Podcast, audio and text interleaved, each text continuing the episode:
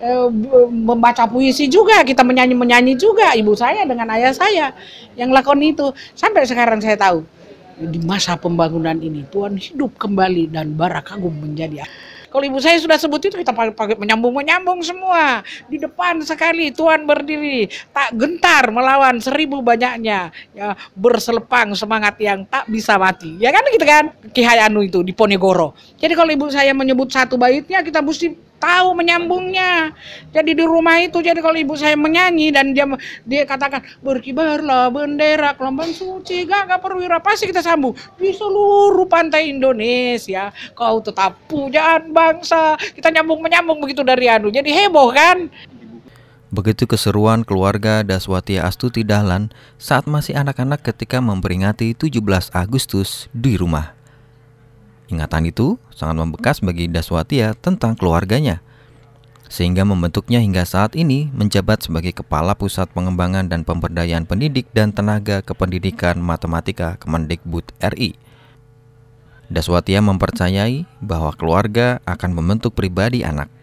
Hal ini ia rasakan sendiri, terutama bagaimana berinteraksi dengan orang tua. Ia pun yakin bahwa rumah tangga adalah madrasah atau sekolah pertama bagi anak. Madrasah pertama itu adalah eh, peran orang tua demikian penting ya untuk membentuk anak-anak itu paripurna. Paripurna itu bagus karakternya, pengetahuannya, ya kan beradab gitu.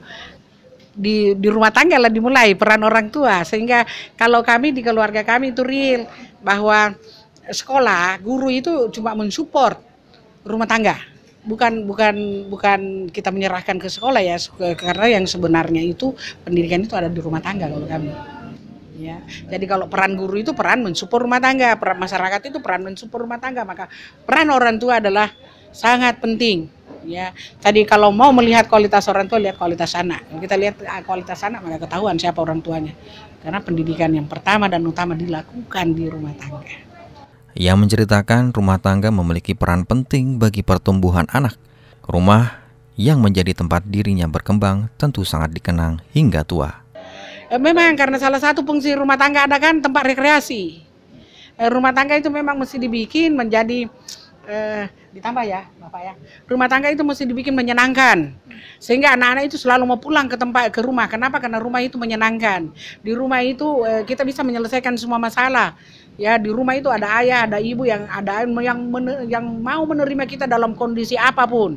Eh, rumah tangga tempat kita ber anu tempat kita berefleksi tempat kita eh, me, mengeluarkan kemampuan kita. Jadi saya kalau rumah saya memang tempat kita berkesenian tempat menyanyi menyanyi tempat drama begitu. Rumah tangga kami jauh lebih bagus dari sekolah.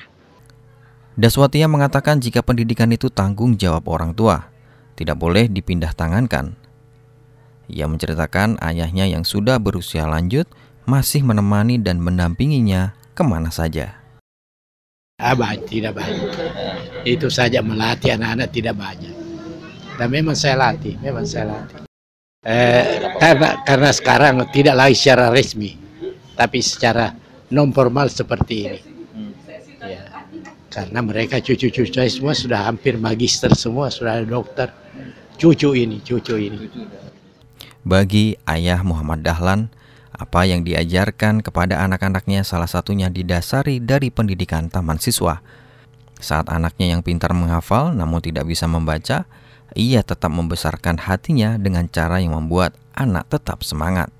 Sebab itu kita membuat cara-cara agar mereka bisa dengan kekurangannya menjadi kelebihannya. Kan dia dia merasa uh, kurang karena dia tidak tahu membaca. Tapi kita membuat bahwa justru menghafal itu lebih bagus daripada yang lainnya. Jadi meningkatkan dia punya kemampuan eh, diri, percaya diri.